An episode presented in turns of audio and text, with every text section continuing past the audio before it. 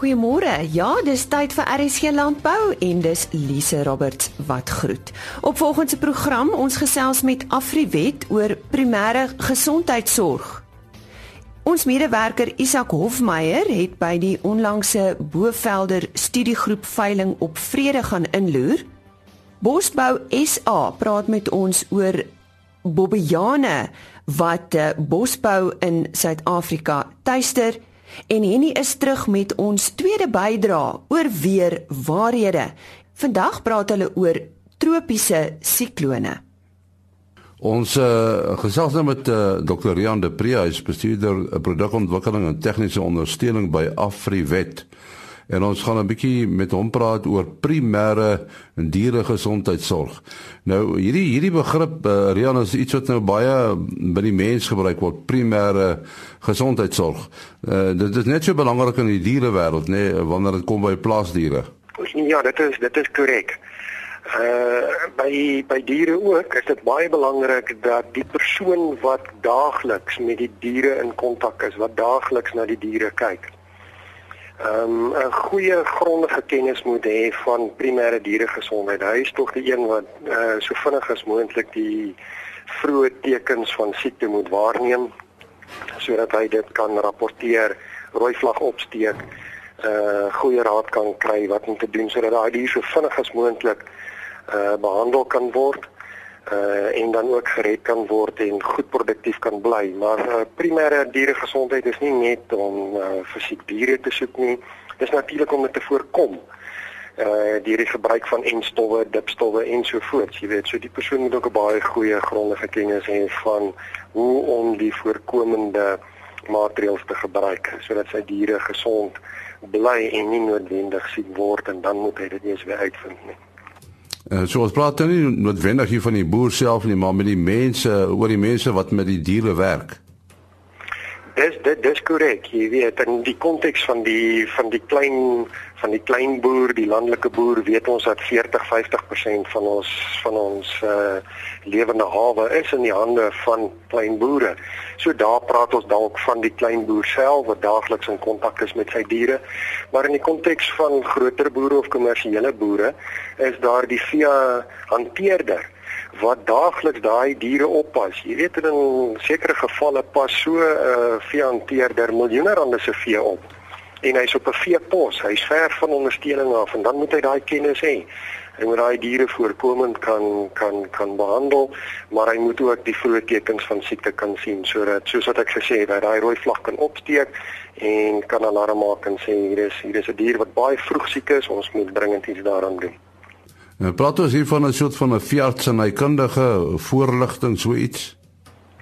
Dit is dit is heeltemal korrek. Veeartsnykundige voorligting is die is die basis hiervan. Dit is dit is die oordrag van daai nodige kennis en vaardighede wat die persoon op grondvlak nodig het om na die basiese dinge te kan sien, om te weet uh hy moet observeer, observeer, observeer so om vir hom daardie vaardighede te leer wat is normaal en so vinnig as moontlik die abnormaal te kan waarneem. Hy moet uh, byvoorbeeld uh loperige neus, jy weet 'n waterige loperige neus al baie vroeg kan identifiseer voordat daar ekter by die neus begin uit en dan is daai dier, jy weet in die konteks van 'n longontsteking al hopeloos te ver siek. So in, die, in met al die verskillende siektes moet hy daai grondige kennis kan hê, daai basiese kennis en dan die oordrag proses om vir hom daai kennis en vaardighede te leer is dan soos wat jy sê, jy weet 'n uitgebreide veearts en hy kundige ondersteuningssisteem.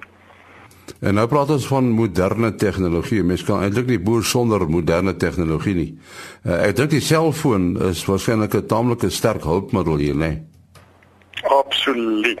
Jy weet met met die moderne tegnologie het ons nou die vermoë dat daardie persoon die ore en die oë van so 'n uitgebreide veeartsnykundige ondersteuningsdiens word uh hulle kan op 'n baie vinnige wyse hulle uh hulle waarnemings doen hulle kan hulle waarnemings vas lê byvoorbeeld in 'n in 'n in 'n toep jy weet 'n toepassing.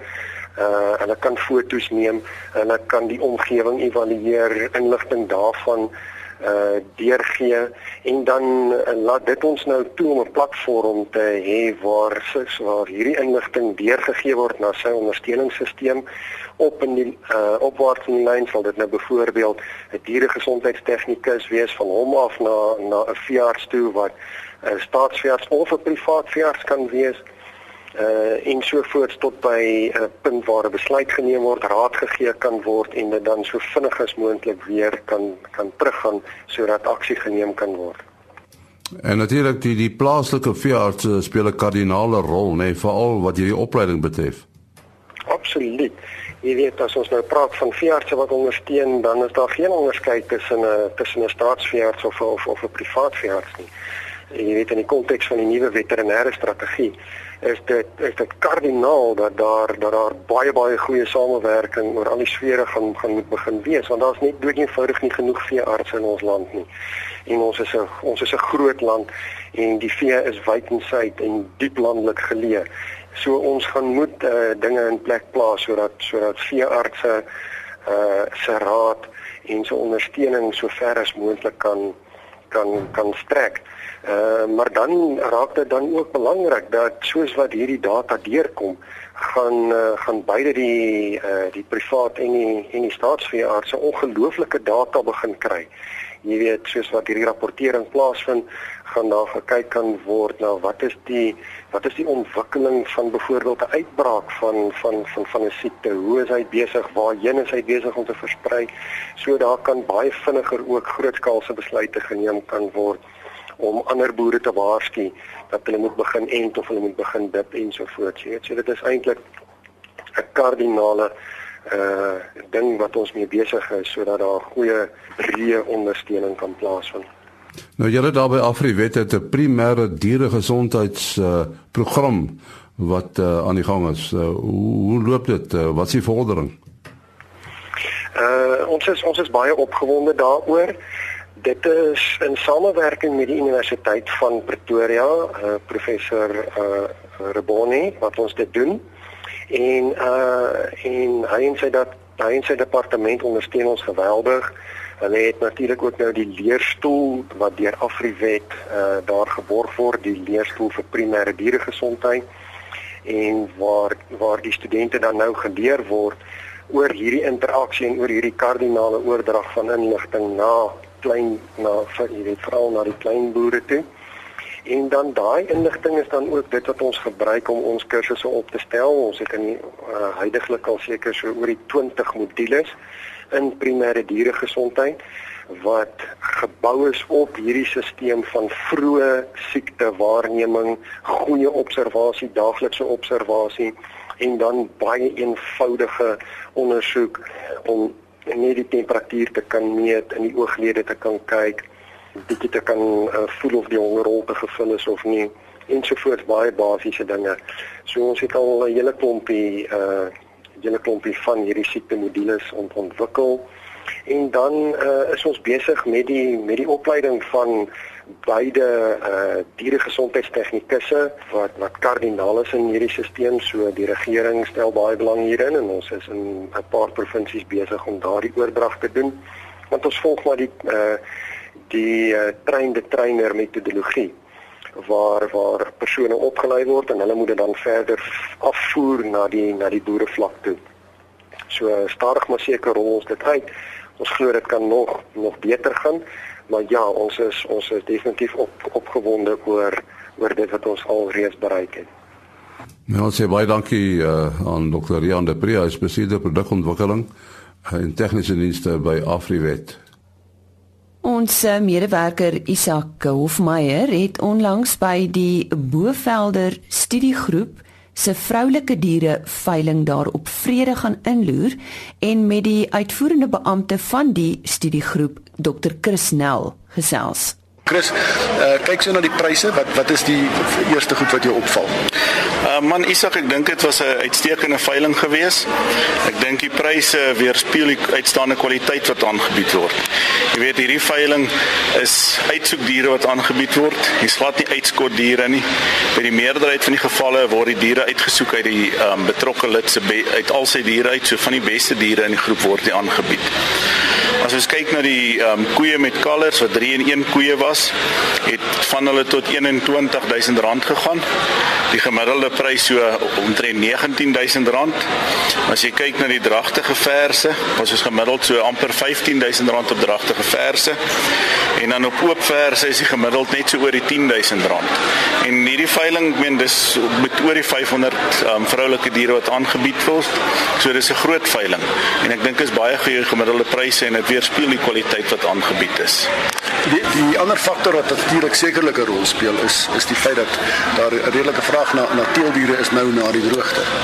Ja, Isak, ek dink beslis. Ek dink baie van die nasionale kudde is maar redelik uitgedun. En ek dink daar's 'n groot vraag na aantal diere, maar veral na kwaliteit aantal diere. Ehm um, ek dink baie van die boere is ook maar met kontantvloei onder druk, maar daarom sal kwaliteit diere goeie pryse behaal. Jy lê nou klem op kwaliteit.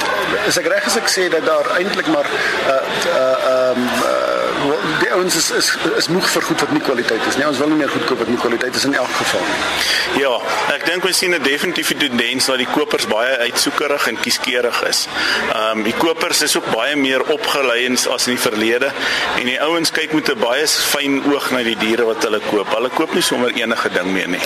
So goeie goed gaan nog steeds baie goeie pryse.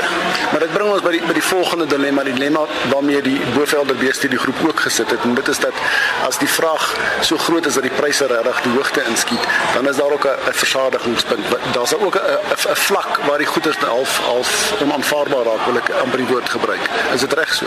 Ja, Isak, ek meen die pryse kan definitief kan te duur raak en ou kan jouself uit die mark uitprys op 'n stadium. Ehm um, so dit is definitief iets wat ou wil hê is dat die diere nog steeds bekostigbaar vir die kommersiële boere daar buite is sodat hy ook daai belegging wat hy gemaak het gaan terugkry en laat dit vir hom 'n goeie belegging op die einde gaan wees. Die die Bovelder beestudie groep het nou onlangs 'n besluit geneem dat hulle veilinge oopmaak waar hulle tevore almal gesamentlik veiling gehou het, gaan die ouens nou individueel veiling hou. Ja, Isak, dis baie waar. Ons is baie baie opgewonde daarop. Ons gaan twee basies elite groep veilinge bly behou. Die een is die vroulike dierveiling wat ons vandag gehad het. Die ander een is ons nasionale bulveiling by die Warden veilingskrale wat gewoonlik die eerste Dinsdag van September is. Dan gaan van die lede hulle eie veilinge begin aanbied en ons is baie opgewonde daaroor. Dit gaan die Bovelder ehm um, ras baie meer bekendstel en dit gaan baie meer diere aan die kommersiële boere bekendstel en beskikbaar stel teen baie bekostigbare pryse. So ons dink dit gaan definitief dis 'n baie goeie ding en ons is baie positief daaroor. En kort ten slotte, die Bovelder as jy dit in in in 10 woorde of of minder moet uh, beskryf, die Bovelder staan vir Uh, man Isak die Bovelder is 'n um, ek moet nou 10 woorde van die Bovelder is 'n um, rooi medium ramras uitstekend aangepas vir die hoëveld toestande. Ehm um, 'n maklike bees om mee te boer. Ek dink definitief jy kan nie 'n fout maak met hulle nie.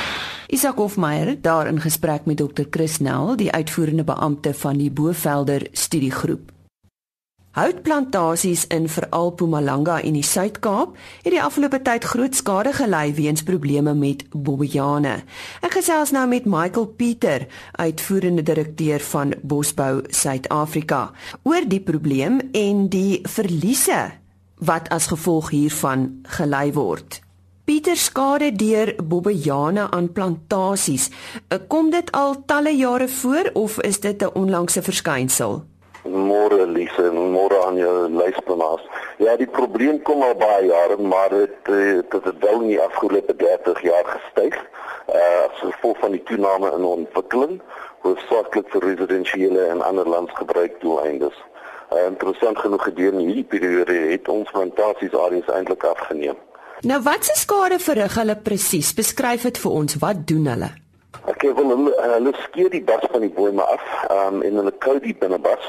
Ehm um, en dit verminder die houtkwaliteit in meer volwasse bome. Uh, en in jonger bome sterf die bome geheel en al. Fokus hulle hoofsaaklik op uh, op volwasse of of kom dit meer voor op die jonger boontjies? Dit is reg hier uh, tussen van van van omtrent 8 jaar af.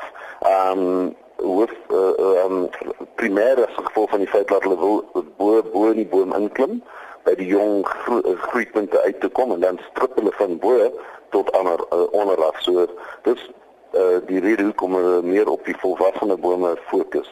En hulle strip hom net en gooi die goed neer of wat doen hulle daarmee? Nee, hulle, hulle strip hom hulle kou die binnebas. Daar is uh, die die wetenskaplike sê vir ons daar is 'n bietjie van 'n ehm um, uh, suiker kontent in die binnebas, maar is nie oorsaaklik as gevolg van van uh, voedsel ehm uh, onnoodighede is. Dit is primêr as gevolg van frustrasie en stres.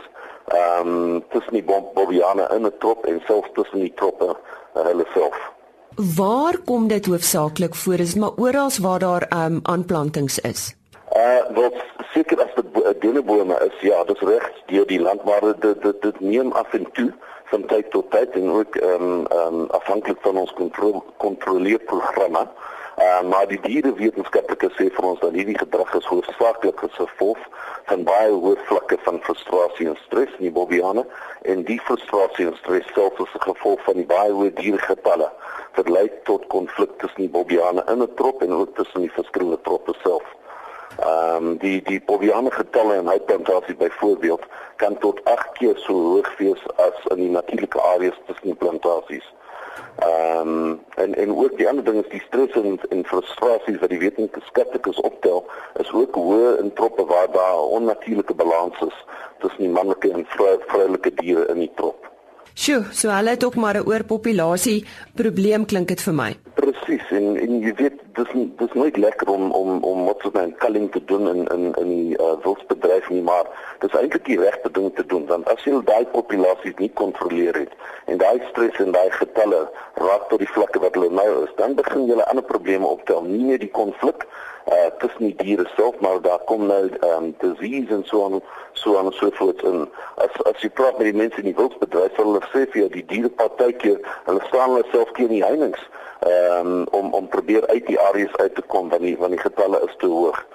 So dis nie dis nie 'n pleasant uh ehm um, uh, aspek van die werk maar dis 'n nodige aspek. Ons gesels oor die ekonomiese impak, die realiteit, uh hoeveel verloor die industrie? Okay, so die die navorsing wat ons oor die afgelope paar jaar gedoen het, uh, dui daarop dat ons in die omgewing van 156 miljoen rand per jaar verloor net in die plantasie self. Uh, en boonop die verliese moet jy ook nou by ehm um, bytel dat daar omgewing van 600 miljoen rand per jaar aan houtprodukte wat verlore is, uh want die ruim materiaal daarvoor is in plantasies al verloor. Julle benadering tot 'n oplossing sien ek is om beide partye te beskerm en ek dink julle navorsing het hierso regtig ek moet julle komplimenteer op die navorsing wat gedoen is. Maar julle wil hande vat met ander industrieë wat dieselfde probleem uh, ondervind. Uh, wat is julle benadering? Wat beoog julle? Nee, presies, Lisa. Ons probeer nie die bobiane uit te wis nie en daar is geen risiko daarvan ook nie. Um, ons probeer egter die populasie getalle uh, te kontroleer tot uh, die afname in die stres en die troppe wat ook lei tot of afname in skade in plantasies en in ander gewasse. Nou met betrekking tot die die vraag wat jy net gevra het van die ander die ander partye, ons het wel aan gevat nie met ander uh, nie nie net met ander industrie en landbou gewasse nie, uh, maar ook met die regering um, en met uh, um, ander ander um, uh, omgewings en diere NGO's. Ons het die Baboon Damage Interest Group 'n uh, paar jaar uh, terug gestig en daarop sit baie ander partye. Ehm um, en en uh, you know hulle, hulle gee vir ons en vir vir landbou die leiding ehm um, om hoe om hierdie probleem op te uh, op te los, ehm uh, maar met wetenskaplike en etiese onder onder onder uh, geondersteunde metodes. Net om jou af te sluit Michael, ehm um, hoe lank gaan dit nou vat dink julle voor so iets onder beheer is? Dit is seker maar moeilik. Ja, dit is moeilik. Soos ek vroeër gesê het, die probleem neem af uh, op en af um, oor oor tyd. Byvoorbeeld in die Suid-Kaap waar die probleem oorspronklik um, opgetel is so 30, 40 jaar terug, um, het hulle die populasie nou gekontroleer. Daar's baie bobiane in die Suid-Kaap, in die plantasies en in die uh, inheemse bosse en so aan. So so hulle is nie uitgewis nie, maar die populasie vlak is nou op 'n stadium waar die skade uh, omtrent heeltemal um, uh, verdwyn het. Uh, maar in in in Mpumalanga byvoorbeeld waar ons ons daai daai populasie getalle het uh, wat agt keer so hoog as wat hulle moet wees. Um as die skade nou baie erg. So ek dink as ons daai daai populasie getalle kan kontroleer, um dan dan kom die skare af en ons het nou die bewys daarvan gesien in die Suid-Kaap byvoorbeeld. So so, so dit sal altyd 'n probleem wees. Jy gaan altyd daai konflik hê. Ehm um, uh, die enigste oplossing is om om die Bobby uh, om om al die uh, skare ehm um, te te stop om die Bobbiane populasies te kontroleer tot meer natuurlike vlakke. Dit was dan die uitvoerende direkteur van Bosbou Suid-Afrika, Michael Pieter. Weer waarhede saam met Johan van der Berg.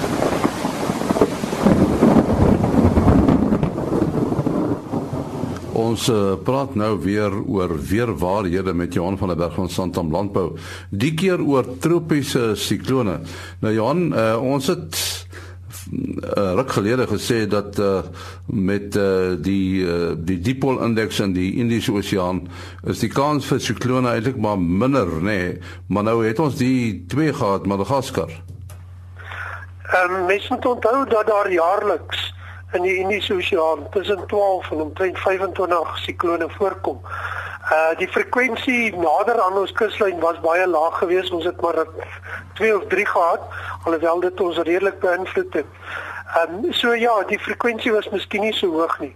Maar net om terug te keer, uh eintlik wat is 'n sikloon? En hoekom kom dit voor?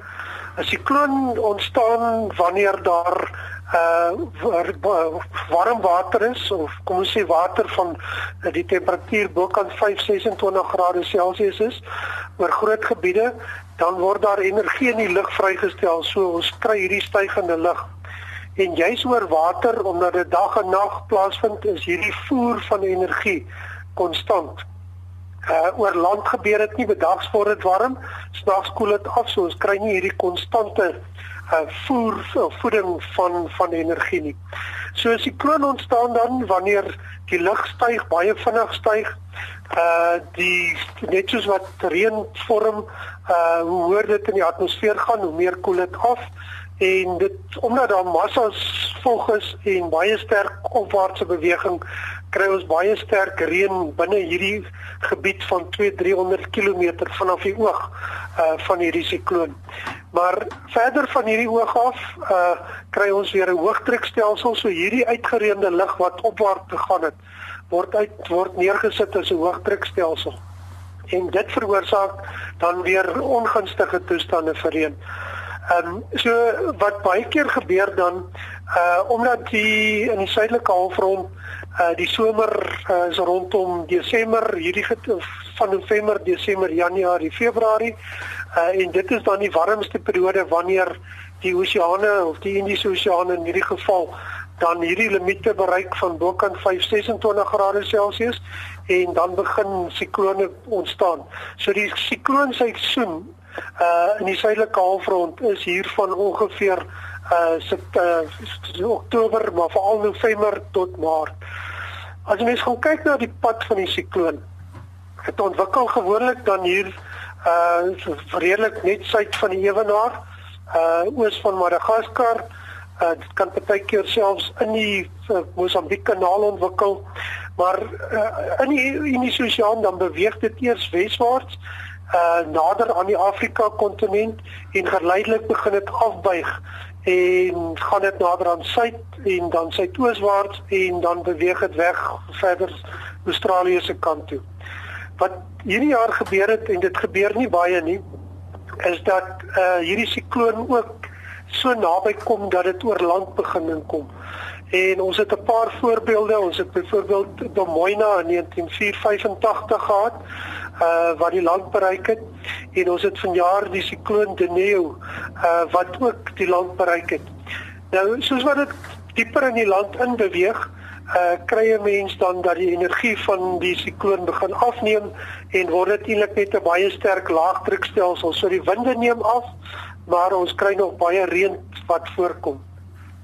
Nou ek het vroeër genoem dat uh, die sikloon is eintlik uh, ongunstig in die meeste gevalle vir reën oor Suidelike Afrika omdat uh, die reën uh, patroon meer oor die Indiese Oseaan is en die hoëdrukstelsels uh, dan hier oor die land uh, gevorm word as deels as gevolg van hierdie tropiese sikloon. Maar dit hang ook af van wat is die die, die laag of die die die druk gradiënt oor die binneland. Ons het al gesien dat ons wel siklone gekry het en dat hier 'n redelike laagdruk oor die binneland ook ontwikkel en dan kry ons nog steeds reën. Uh en daaroor moet 'n mens gaan kyk na die druk op die sinoptiese kaart. Wat is die drukverskil tussen die laagdruk wat hier oor die land dan ontwikkel en dit wat oor die Indiese Oseaan dan ontwikkel? Nou wat ook interessant is, uh, is die name van hierdie siklone.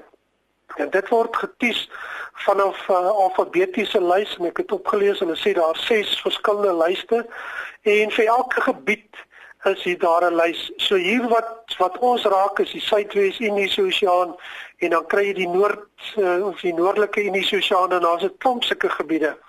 En hulle het 'n vooraf opgestelde lys, 'n uh, alfabetiese lys uh, wat hulle dan vooruit kies En nou hulle vroeër was dit net vroue name gewees maar ek, ek, ek lees hulle sê hier in 1978 uh, is dit gestaak en is daar mansname ook bygesit. Ehm um, so hierdie die eerste siklone in 'n seisoen uh, word dan met die letter A of die alfabet, so die eerste letter van die A begin hy en so gaan ons aan tot ons die laaste sikloon van die seisoen kry. En dis waaroor ek in die begin gesê het ons kry so tussen 10, 12 en 25 per jaar so uh om meer as die alfabetiese syfers te kry is is nou nie so maklik nie. Interessant volgende jaar se sikloon name is al reeds uit. Uh, so vir 2017, 2018 en die eerste een gaan wees Ava en die tweede een Berguta, uh die derde een is Sibile en so gaan ons aan. Uh so ons weet al vir 2017, 18 en 2018-19 se name is ook al uit. En interessant, die name uh, word gegee deur die lande wat in hierdie gebied is. So dis 'n bekende naam dan uh wat deur elke land gegee word. Uh daar kan meer as een naam per land dan gegee word van name wat in die gebied dan uh, wat mensname wat in die gebied voorkom. Daar's 'n interessante inligting oor 'n siklone daar van Johan van der Berg van Santam Landbou. En hy gesels elke donderdag in weerwaarhede. Dit was dan die Maas daar 'n gesprek met Johan van der Berg van Santam Landbou oor eh, die tropiese sikloon en onthou om volgende donderdag weer in te skakel vir die derde bydra in ons reeks oor weerwaarhede. En daarmee sê ons dan Totsiens tot maandagooggend om 05:30 Chris Viljoen môreoggend om kwart voor 5 as ook saterdagoggend om kwart voor 12 met nog RSG landbou nuus. Geniet u naweek en totsiens. RSG landbou is 'n produksie van Blast Publishing. Produksieregisseur Henny Maas. Aanbieding Lisa Roberts. En uitskoördineerder Martie Kerstyn.